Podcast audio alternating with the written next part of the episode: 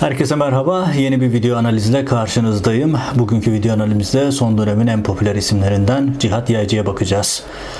Televizyonların ananan dış politika yorumcusu aynı zamanda e, cemaatle ilgili tartışmalarda fikrine başvurulan, yaptığı açıklamalarla büyük gürültüler koparan bir ismi. Aynı zamanda sosyal medyanın da üzerinde en çok polemik çıkartılan isimlerinden bir tanesi.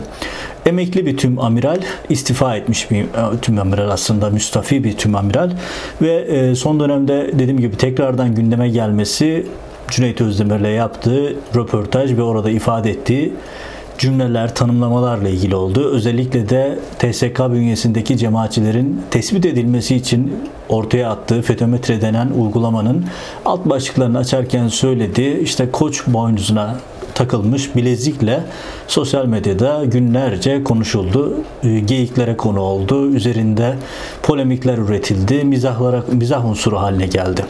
E, tabii konu e, ortada mağdur edilen insanlar olmasa, tutuklanan, ihraç edilen, e, cezaevlerine dolduran insanlar olmasa gülüp geçilecek bir mesele ama aslında cihat yaycı meselesi onun ötesinde. Çünkü cihat yaycının kişiliğinde Ankara'daki ayak oyunlarından tutun uluslararası ilişkilere kadar bir sürü parametre var. İşte bu videoda ona bakacağız. Özellikle 15 Temmuz'a uzanan ilişkisi, 15 Temmuz öncesindeki network'ü, öğrencilik yıllarına gideceğiz, bakacağız. Çünkü cihat yaycı gerçekten 15 Temmuz'u anlama, 15 Temmuz'un üzerindeki bileşenleri yorumlama için önemli bir örnek, önemli bir isim.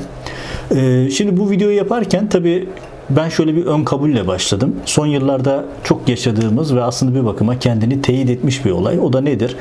Eğer birileri çok yoğun bir şekilde cemaat FETÖ FETÖ diye bağırıyorsa kesinlikle üzerinde saklamak istediği bir şeyler vardır. Mutlaka hayatının bir döneminde üzerini örtmek istediği bir şeyler vardır ya da kesinlikle büyük bir günah işlemiştir. Bunu örtmek, bunu kapatmak için sürekli FETÖ diye, cemaat diye bağırıyordur diye bir e, tezim var ve bugüne kadar bu tezi defaatle teyit ettik. İşte en son geçtiğimiz günlerde bir sapık bir tarikat lideri e, küçük bir çocuğa yaptığı cinsel tacizi de çocuğun ailesi FETÖ'cüydü deyip çıktı. Yani bu kadar aşağılık bir hale geldi bu iş. İşte cihat yaycıda da aynısı oldu. Sürekli akla ziyan yorumlar yapıyor. Yani işte genç kızları fuhuşa sevk etmekten tutun.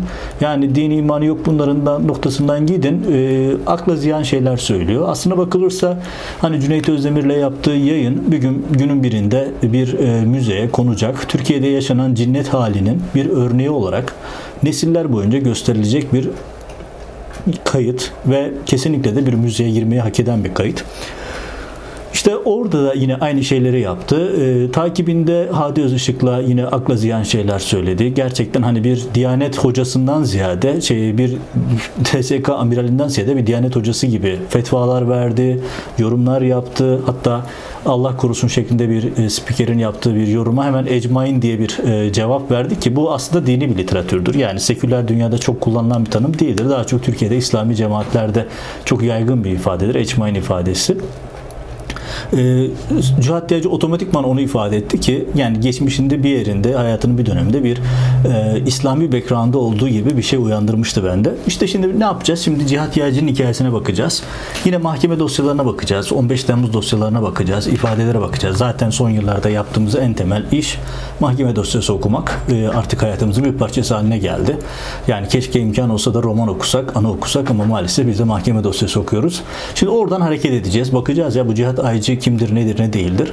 Ve ikinci bölümde, videonun ikinci bölümünde bir şey yapacağız. Cihat Yaycı'nın ortaya koyduğu bu meşhur fetometreyi kendisine uygulayacağız. Bakalım karşımıza ne çıkacak. Şimdiden söyleyeyim çok şaşıracaksınız.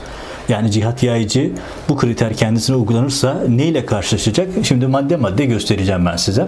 Hemen başlayalım. Resmi e, tanımına göre, resmi biyografisine göre 1966 Elazığ doğumlu, 84'te Deniz Lisesi'nden, 90, 88'de de Deniz Harp mezun olmuş. Marmara Üniversitesi'nde yüksek lisansı var. Amerika, Kaliforniya'dan da yüksek lisansı var. İstanbul Üniversitesi'nden de doktorası var. Doktora yaptığı isim, doktora hocası Toktamış Ateş. Daha sonra aleyhine olacak. Bunu şimdiden söyleyeyim. Oraya geleceğim. 2012-2014 yıllar arasında Türk Silahlı Kuvvetleri Moskova askeri ateşçiliği yapıyor. 2015-2016 çok uluslu müşterek Harp Merkezi Komutanlığı'nı yürütüyor. Bir ara önümdeki ekrandan da okuyorum yanlış bilgi vermem adına. Ee, daha sonra Deniz Kuvvetleri Komutanlığı Personel Başkanlığı yapıyor. Sonra Deniz Kuvvetleri Kurmay Başkanlığı'na alınıyor. Ve e, Müşerref Yaycı evli. Boşanıyor, evleniyor. Arada başka birisiyle evleniyor. Tekrar boşanıyor, tekrar evleniyor. Karmaşık bir hikaye ama sonuçta e, Müşerref Yaycı ile evli. Baybars Ömer isimli bir oğlu var. Buradaki Ömer'e dikkat. Daha sonra oraya geleceğim. Ee, geçmişi ve ilişkileri dediğim gibi enteresan bir kişilik ee, ve Cihat Yaycı bir sene önce Cumhurbaşkanı Erdoğan'ın kararnamesiyle gece yarısında Genelkurmay emrine atandı. Olmayan bir makama bu kızaktı. Cihat Yaycı da tepki olarak istifa etti. Ee, öncesinde adı bir yolsuzluk soruşturmasına karıştı. Yolsuzluk soruşturmasındaki rakam çok cüzi bir rakamdı. Yani de, e, üzerinde düşünme bile değmez. Hele AKP rejiminde mümkün değil. Yani milyonlarca doların hortumlandığı bir rejimde birkaç birkaç milyonun lafı bile olmaz. E, zaten bunun politik amaçlı bir şey olduğu belliydi. Yani Hulusi Akar Cihat Yaycı istemiyordu. Yedi ve e, sonuçta başardı. Cihat Yaycı da aslında bugünlerde Hulusi Akar'dan intikam almak için ekranlara çıkıp sürekli onu suçlayan ifadelerde bulunuyor. Peki şimdi Resmi söylem bu. Yani geçen sene istifa etti. Sonra işte Bahçeşehir Üniversitesi de ona bir kürsü açtı. O da bir tuhaf. Çünkü yani Erdoğan'a res çekip istifa eden bir isme Bahçeşehir Üniversitesi kürsü açıyor. Yani Türkiye'deki herhangi bir üniversitenin Erdoğan'ın iki dudağı arasında olduğunu düşünürseniz Bahçeşehir'in ona kürsü açmasa da Bahçeşehir Üniversitesi'nin nasıl bir kompleks denklem içerisinde olduğunu gösteriyor. O da başka bir konu. Günün birinde Bahçeşehir Üniversitesi'nin ilişkileri, yurt dışı operasyonları da başka bir yayın konusu olabilir. Ona dair de enteresan detaylar olduğundan emin olabilirsiniz. Peki gelelim e, Cihat Yağcı istifacısı o gün bugündür ekranlarda konuşuyor ediyor. Sonrasında dediğim gibi Cüneyt Özdemir, Hadi Özışık ve Habertürk, Fatih Altaylı vesaire her gün ekranlarda ve akla ziyan şeyler söylemeye devam ediyor. İstifa ederken önemli bir şey yaptı. O da nedir? İşte Türk basınının e, Erdoğan medyasının en müptezel, en itibarsız isimlerinden bir tanesi Mehmet Metiner. Ona konuştu. Ona da e, ölünceye kadar Erdoğan'a bağlı kalacağım, sadık kalacağım gibi bir ifadede bulunmuş. İstifa dilekçesinde bu yoktu. O da ayrı bir konu. Ya Metiner yalan söylüyor ya da e, Cihat Yaycı yalan söylüyor. Bir tanesi yalan söylüyor ama sonuçta istifa metninde böyle bir açıklama oldu. Mehmet Metiner bunu sosyal medyadan paylaştı. Ve akabinde işte bugüne geldik. Şimdi bu işin resmi söylemi yani resmi özgeçmişi ve olayların özeti bu. Şimdi bir de anlatılmayan boyutuna gelelim. Anlatılmayan boyutunda bir tane mesela intihar vakası var. Yani Cihat Yayıcı'nın kariyerinde üzeri kapatılan ve e, tabiri caizse bir el tarafından temizlenen bir dosya var. Bir el temizliği ve bir elin önünü açmasını unutmayın. Cihat Yayıcı'nın kariyerinde sürekli bunu göreceksiniz. Yani bir el sürekli onu koruyor, önünü açıyor. Mesela işte e, Kemal Reis Fırkateyn'inde 2005 yılında yaşanıyor olay. 16 Ağustos 2005 yılında kıdemli çavuş Suat Çakır 23 yaşında evli yeni doğmuş bebeği var. Memleketten izninden dönüyor sonra göreve çıkıyor. Gemi Karadeniz'deyken Suat Çakır kayboluyor. Kaybolma resmi söylem. Suat Çakır'ın e, intihar ettiği ortaya çıkıyor ve cesedi bulunamıyor günlerce arama yapılıyor vesaire bulunuyor. Peki o ara ne oluyor? Gemide istenmeyen şeyler oluyor. Mesela e, Cihat Yaycı Assubay CH diye kodlayayım. Ee, onun ismini e, CH diye kodlayayım. Onu fenalde dövüyor. Fenalde darp ediyor. Hatta öyle ki kan duvara sıçrıyor. Öyle bir şey. Ve e, daha sonra bu zaten mahkemelik oldu. Cihat Yaycı'nın kariyerinde bu da var. Yani aslarına kötü davranmaktan yargılandı.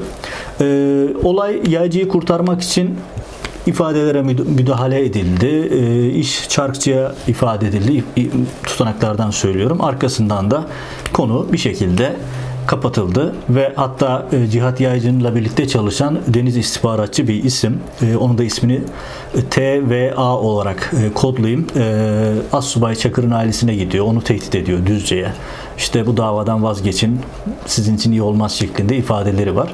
Ve adını Ergenekon balyoz davalarında çok sık duyduğumuz Kurmay Albay Tayfun Duman tarafından soruşturmaya gerek yok diye Deniz Assubayı Suat Çakır'ın şüpheli bir şekilde ölümü, intiharı üzeri kapatılıyor ve ayrıca aslarına bu bir, bu bir dava. Bir de aslarına hakaret ettiği, aslarına kötü davrandığı için ayrıca yargılanıyor. Orada da yargılama sürerken 17 e, Aralık sürecinde meydana gelen değişikliklerle birlikte şöyle bir tablo ortaya çıkıyor. Cemaatin e, o dönem işte zamanın ruhu öyle olduğu için şikayet eden kişiler ve yargılanmasına izin veren kişiler bu iki tanıma dikkat edin. Cemaatçi oldukları gerekçesiyle TSK'dan ihraç ediliyorlar ve dosyası zamanın ruhuna uygun bir şekilde kapatılıyor. Niye? Çünkü şikayet eden cemaatçi, mağdur cemaatçi kapatılıyor. Ve böyle dosyalar var. Önü bir şekilde cihat yaycının temizleniyor. Mesela İzmir'deki askeri casusluk yargılaması meşhur davada bir gizli tanık var. O da diyor ki cihat yaycı cemaatçidir. Cemaatle irtibatları vardır.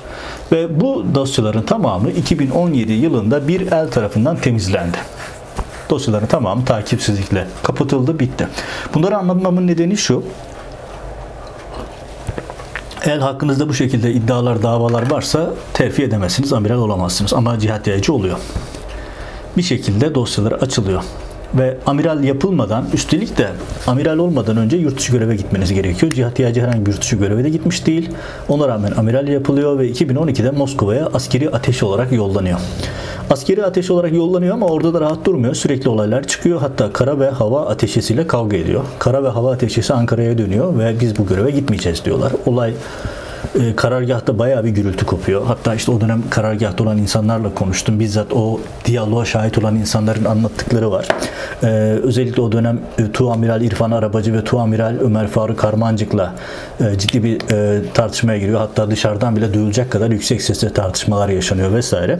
E, o dönemde hatta dönemin Genelkurmay Başkanı Necdet Özel diyor ki ya bu cihat bana deniz kuvvetlerinin attığı büyük bir kazıktır diyor.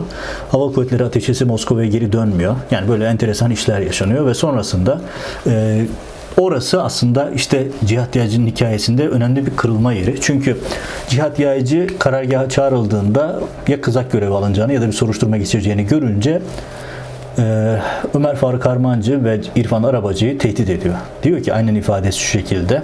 Eşime bir mektup bıraktım. Başıma bir şey gelirse bu mektubu Erdoğan'a verecek.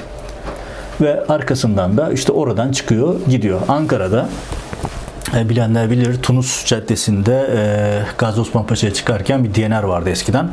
Orada ilginç bir buluşma yapıyor. Bunların hepsi mahkeme dosyalarında var onu da söyleyeyim. Mesela Tu Amiral e, Halil İbrahim Yıldız'ın e, Kuzgun kod adıyla bilinen gizli tanık onun verdiği ifadede İhsan isimli bir sivil tanık, sivil kişi var. Cemaatçi bir kişi.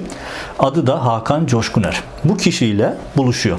İhsan denen kişiyle buluşuyor. Düşünün yani hani cemaatçi olduğu iddia edilen birisiyle buluşuyor. Bu ifadeyi veren isim Kuzgun. 15 Temmuz'un en önemli tanıklarından bir tanesi. Onun verdiği ifade üzerine de söz konusu İhsan kod adlı Hasan Coşkuner tutuklu.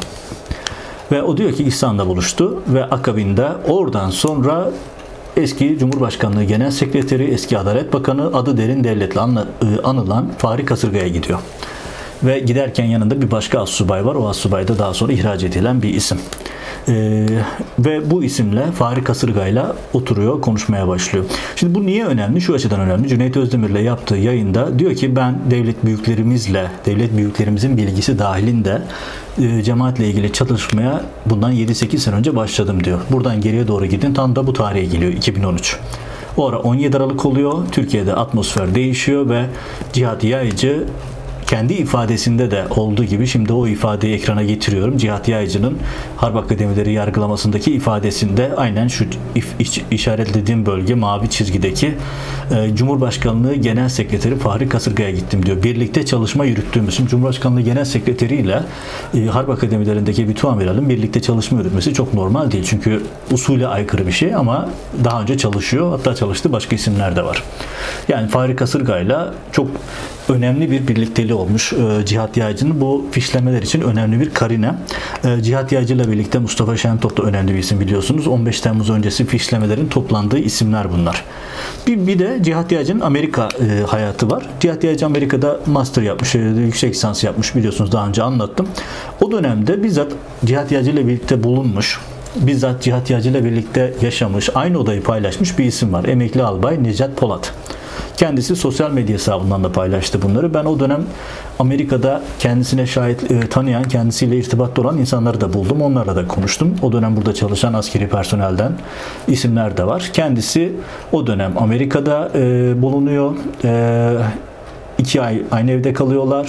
Eşinden 2-3 kere boşanıp yeniden evlendiği müşerrefi Amerika'da dövüp sokağa attığını şahit olduğunu söylüyor e, karakteriyle ilgili önemli, olumsuz şeyler söylüyor. Ama benim edindiğim bilgi Amerika döneminde kendisi de Pensilvanya'ya Fethullah Gülen'i ziyarete giden isimlerden birisiymiş.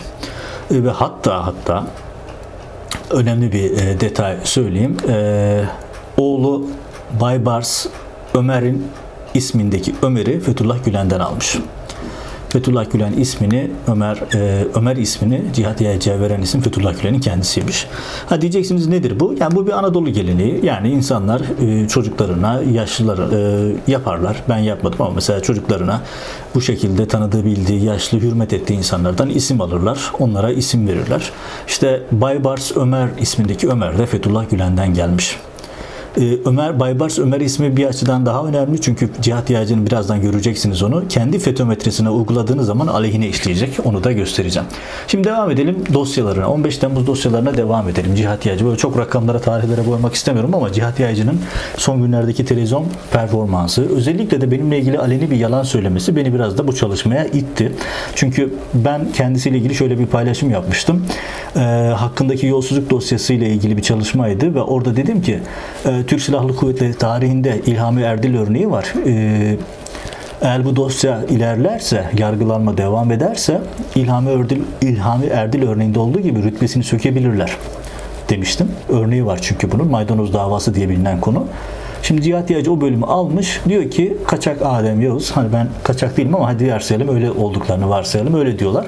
Kaçak Adem Yavuz talimat verdi diyor. Benim rütbelerimi sökecekler diyor. Şimdi ben kime ne talimat vereyim? Senin rütbelerini ben nasıl sökeyim? Yani bu kadar absürt bir yorum yapıyor. Hani birisi böyle bir şey söylerse bu kadar aleni bir yazı ki yazı bu söz de değil yani kayıtları duruyor. Yazıdan böyle bir yalanı söyleyebilen kişiye ben derim ki ya gidin tedavi olun. Yani bu kadar aleni yalan söyleyebilen birisinin bence psikolojik rahatsızlıkları vardır. Başka bir izahı yok bunun. Neyse geri dönelim. Şimdi 15 Temmuz yargılamalarında bir tane dosya var.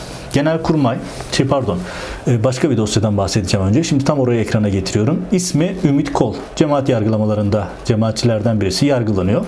Ve bu isim ne yapıyor biliyor musunuz? Cihat Yaycı'nın oğluna özel ders veriyor. Ve cemaatçi olmaktan tutuklu şu anda bu kişi. Ve ilginç olan şeylerden bir tanesi de şu. Daha önce başka bir isim, Hayrettin İmren isimli birisi bunu ifadesinde anlatıyor. Ama savcı bunu ifadeden çıkartıyor, ifadeden kapatıyor. Ümit Yol bunu mahkemede anlatıyor. Mahkeme başkanı üzerine kapatıyor. Şimdi durup bir düşünelim. Yani çocuğun ismini Fethullah Gülen koyuyor. Oğluna ders veren cemaatçi bir özel isim var. Geliyor evinde lojmanda ders veriyor. Bunu anlatıyor bir tanesi ifadesinde. Ama savcı iddianameye koymuyor. Dosyalardan çıkartıyor. Mahkeme bu konuyu anlatan sanığın anlatımlarının üzerine örtüyor. Bir şey ifade eder mi? Bence çok şey ifade eder. Devam edelim. Şimdi bir başka belge ekrana getiriyorum şimdi. MIT'in yaycı raporu var. MIT'ten gelen ve Genelkurmay'daki resmi bilirkişi raporundan çıkan bir bölüm. O da şu. Tu Amiral, e, şey Tu General Nerim Bitlislioğlu kendisi Ergenekon balyoz davalarında tanınan bilinen birisi. Yani mevcut e, Ergenekon kadrocusu içerisinde olan birisi ki Nerim Bitlislioğlu'nun bilirkişi raporu aslında iktidarın 15 Temmuz söylemini tümden çökertiyor. Çünkü hani meşhur bir 15 Temmuz söylemi var ya işte bunlar tasfiye edilecekti o yüzden darbeye kalkıştılar. Aslında Nerim Bitlislioğlu'nun bilirkişi raporu diyor ki e, o yıl yapılacak olan yani 2016 Ağustos'unda yapılacak olan yaşta terfi edecek olanlar aslında cemaatçilerdi diyor. E, kendi teziyle çelişen bir başka e, detay ama o konumuz 15 Temmuz değil oraya geçeyim.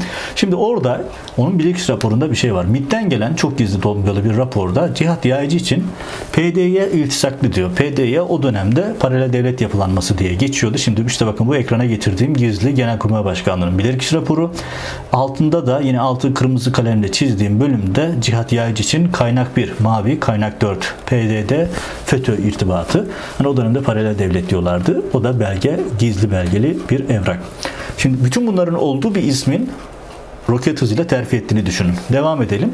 Şimdi bir de başka bir evrak var. O da Zeki Uçok, Hakim Albay Zeki Uçok adı malum yolsuzluklar ve uygunsuz ilişkilerle gündeme gelen e, hatta fuhuş maddesinde kod adı Bamya olan isim. E, kendisi çok sayıda fişleme yaptı. Hatta bunu övünerek ekranlarda anlatan, mahkemelerde anlatan birisi. Ekibiyle birlikte yaptığı fişlemelerde Cihat Yaycı da var. İşte şimdi ekrana getirdiğim evrak o da bu. Cihat Yaycı, amiral, Hakim Albay Zeki Üçok'tan geçen isim. Yani Hakim Albay Zeki Üçok'un ismin. Şimdi burada şu var. Deniz Kuvvet, şimdi Zeki Uçok'un e, Ergenekoncu olduğu tartışması zaten bu konuda bir şüphe yok. Aydınlık dergisinde çıkan bir küpür. Şimdi tam onu ekrana getiriyorum. Deniz kuvvetlerindeki F tipi örgüt diye bir haber. Burada 60'a yakın isim var. Ve bu isimde bu isimler içerisinde TSK'dan atılmayan, terfi eden tek kişi var. Cihat Yaycı. Burada cemaatçi olarak ismi geçen isimlerin tamamı atıldı. Atılmayan tek kişi var Cihat Yaycı. Hani Adil Öksüz gibi beraberindeki bütün isimler tutuklanıyor. Adil Öksüz mucizevi bir şekilde karakoldan elini kolunu sallaya sallaya çıkıyor. Diyorum ya bir el önüne hep açmış. Bir el hep kurumuş Cihat Yaycı. Devam edelim. 15 Temmuz akşamında Cihat Yaycı Erdoğan'la birlikte. Sürpriz mi? Şöyle kendi ifadesinde aynen anlatıyor. 15 Temmuz öncesinde 8 Temmuz'da izne çıkıyor. Antalya'ya ailesinin yazdığına gidiyor. Eşinin yazdığına gidiyor. Orada tatildeyken 2 gün sonra Erdoğan kaldığı otele geliyor. Erdoğan çok lüks bir otelde. Bir Tuğan Biral Erdoğan kaldığı otelde yer ayırtıyor ve 5 gün kalıyor. O gece Erdoğan FaceTime'dan Hande Fırat'la yaptığı ve halkı sokağa çağırdığı görüşmede süfle veren, fonda olan bir isim var. Başkomutanım de, başkomutanım de diyen isim. İşte Cihat Yaycı. Erdoğan'ın yanında. Şimdi tatile çıkışı, tatil öncesi yaptıkları, Erdoğan'ın yanında olması nasıl yani? Her bütün generaller İstanbul'da düğünde halay çekerken kendisi orada. Zaten o düğüne gitmeyen birkaç isim var. Onlar da nedense böyle darbe gecesinin kritik işlerini yapan isimler. Darbe iddiasını daha doğrusu 15 Temmuz gerçek bir darbe değildi. Ve burada ne oluyor? Burada da Cihat Yaycı Erdoğan'ın hemen yanında. Bence son derece önemli bir detay ve bir şey daha anlatıyor ifadesinde diyor ki 15 Temmuz'da ben e, eşimle çocuğumla oturuyorken telefonla öğrendim. Nedense 15 Temmuz'da herkes eşinin telefonuyla öğreniyor. Bu da ayrı bir e, vaka. E, diyor ki işte duydum sonra beni diyor istihbarat daireden Koray Öner aradı. Koray, Koray Öner kim? Çok önemli birisi değil o dönemde. Emniyet istihbarattaki Kızak'taki müdürlerden bir tanesi. Kızak'ta olmasına rağmen Fahri Kasırga'yla ve Cihat Yaycı'yla fişleme konularında çalışmalar yapıyor. Ve 15 Temmuz öncesinde aralarında yoğun bir ilişki var. Ve ne oluyor biliyor musunuz? Cihat Yaycı'yla Öner konuştuğu zaman darbe olduğunu anında çözüyorlar. O anda işte kuvvet Fahri Kasırga ile temas kuruyor. Fahri Kasırga diyor ki kuvvet komutanları rehin alındı. Ama o da rehin falan değiller. İstanbul'da düğünde halay çekiyorlar. Cihat Yaycı e, bunu söylediği saatte, saatlerle karşılaştırdım çünkü. E, Hulusi Akar çay çerez eşliğinde ülke meselelerini konuşuyor. E, filtre kahvesini içiyor. E, Zekai Aksakallı bilinmez bir yerde eşini teskin ediyor. İddia o şekilde. Ama Cihat Yaycı bütün bunlar böyleyken e, Fahri Kasırga'ya diyor ki kuvvet komutanları rehin alındı. Halkı sokağa çağırın. Halkı sokağa çağırın da enteresan bir konu. 15 Temmuz'da herkes halkı sokağa çağırma konusunda önceden sözleşmiş gibi. Gazetecisinden belediye başkanına herkes halkı sokağa çağırma konusunda hazır. Yani bir darbe e, iddiası ortaya çıktığında ilk iş nasıl engellenebilir olmalıyken bütün AKP'ler halkı sokağa çağırmayı planlıyor. Ve e, Cihat Yaycı ne bunu kimse ne meclis sordu ne e, çağırmadı zaten ne meclis sordu ne de savcılar sordu Cihat Yaycı'ya bu nasıl iş diye kimse sormadı sormamaya da devam ediyor. Şimdi böyle enteresan bir isim. Şimdi Cihat Yaycı 15 Temmuz sonrasında hani hakkındaki bu kadar fişleme notu istihbarat notu tanık ifadesi olan bir insanın terfi etmemesi ihracı gerekirdi. Yani mevcut şartlar içerisinde düşünürseniz. Ama aksine Cihat Yaycı terfi etti. Çok önemli kurumlara getirildi. Personel başkanı yapıldı, kurmay başkanı yapıldı. Sonra FETÖ diye bir tane kriter ortaya çıktı. Nedir bu? Güya tanımı resmi ifadesine göre te, Türk Silahlı Kuvvetleri içerisindeki Fethullahçı kadroları aynen reklamından söylüyorum. Reklam haberi yapıldı Anadolu Ajans tarafından. E, bunların hepsi tarihi değere sahip haberler onu da hatırlatayım. E, diyor ki Türk Silahlı Kuvvetleri içindeki Fethullahçı kadroları önce tespit et sonra imha et stratejisi ki bakın tespit et imha et insandan bahsediyoruz. FETÖ analiz programı. Bunun yapımcısı yazımcısı olduğu iddia ediliyor. Cihat Yaycı bununla birlikte işte 33 temel 60 alt kriter daha sonra bu kriterler çoğaltıldı. Örgütle irtibatlı örgüt olduğu cemaat bağlantılarını bulmak için üretilen bir yazılım. İddia bu şekilde ve bu yazılımla işte e, hatta öyle başarılı olduğunu iddia ediyorlar ki Anadolu Ajansı'nın reklam haberinde şöyle bir ifade var. Gelecek yıllarda örgütle iltisaklı nesillerin de tespiti diyor. Yani henüz doğmamış isimler dahi tespit ediyor. Bunların hepsi bir soykırım pratiğidir. Günün birinde bunların hepsi yargı konusu olacaktır. Hiç şüpheniz olmasın. Şimdi peki burada ne var? İşte Cihat Yaycı Cüneyt Özdemir'i anlatırken işte e, kriterleri sayıyor. Nedir? İşte eğitim kriteri, sınav kriteri, yabancı dil puanı, yurt dışı görevi, akraba, eş, dost vesaire. Yani düşünün Hani sizin hiç tanımadığınız bir kuzeniniz var. Tanımadığınız kuzeninizin Bankasya'da hesabı var. Çocuğu cemaat okuluna gitmiş vesaire. Hop siz bu listeye dahil oluyorsunuz ve puanlamaya göre tık diye hemen açığa alınıyorsunuz. Arkasından da tutuklanıyorsunuz. Hani cihat yayıcı ekranlarda diyor ya bunların hepsi diyor sadece şey için yapıldı. Ee, idari kararlar. Hayır öyle bir şey yok. Mahkemelerin hepsi fetometre referanslarına göre yapıldı. Tutuklamalar fişleme göre yapıldı. Bunun sayısız örneği var. Şimdi cihat yayıcıya göre Ya bu ara bir e, detay daha anlatayım. E, Cihat Yaycı'nın karakterini gösterme açısından bence çok ilginç bir referans. O da şu. E, Cihat Yaycı bu yazılımı, programı emrinde çalışan istihbaratçı bir başçavuşa yaptırıyor. İsmini de söyleyeyim. hemen e, ismini de bulayım size daha önce. Ha, başçavuş Memduh Taşçı. Kendisi istihbarat kıdemli başçavuş. Aylarca çalıştırıyor Taşçı'yı. İş bittikten sonra da taşçıyı da FETÖ takıldı deyip ihraç ediyor. Kendi yaptırdığı adama yapıyor bunu. Ki bunun birçok mesai arkadaşıyla konuştum Cihat Yaycı'nın. Anlatan çok kişi var. Yani kendi personeli içerisinde hakkında iyi şeyler ifade eden bir kişiye bile rastlamadım şu ana kadar. Mesela burada devam edelim. İşte şimdi cihat yaycının kendisini uygularsak hani akla ziyan şeyler. Ya düşünün darbe suçlaması yapıyorsunuz. Siz 15 Temmuz'da ne yaptığınızın hiç önemi yok. Darbecilerle çatışmışsınız, darbeye mücadele etmişsiniz hiçbir önemi yok. FETÖmetrik kriterlerine uyuyorsa ya suçlama ne? Amcanızın oğlu, yeğeniniz, kardeşiniz vesaire falan filan bunlarla suçlanıyorsunuz ve bunlardan sonra ihraç ediliyorsunuz, tutuklanıyorsunuz. Şimdi gelelim FETÖmetre kriterlerin aynen hepsini Cihat Yaycı'ya uygulayalım. Bakalım neyle karşılaşıyoruz. Şimdi Cihat Yaycı'nın kız kardeşinin eşi eski sahil güvenlik komutanı Hakan Ütüstem. Tuamiral. Şimdi Hakan Üstem, eski sahil güvenlik komutanı Hakan Üstem sadece bir kriteri alarak bile, şu an ekrana getiriyorum, sadece bir kriteri alarak bile cihat yayıcıyı tutuklatabiliyorsunuz. Çok net. Neden? Mesela diyor ki FETÖ kriterleri şu an ekrana getirdim. Kırmızıyla boyadığım yer. Diyor ki PYD ile iltisaklı akraba, bürokrat. Direkt 0-2 puan alıyorsunuz. Çünkü kız kardeşinin eşi. Özel irtibat. Odada 0-7 alıyorsunuz. Çünkü e, özel irtibat var kardeşin. Devam edelim. Ya düşünün bir insan akrabasından sorumlu olur mu? Türkiye bu cinneti, bu manyaklığı yaşıyor. Yani akrabalarından dolayı insanlar tutuklanıyor. FETÖ iltisaklı akrabaların kamu görevinden çıkarılma durumu. Sadece Hakan Üstem'den bahsediyorum.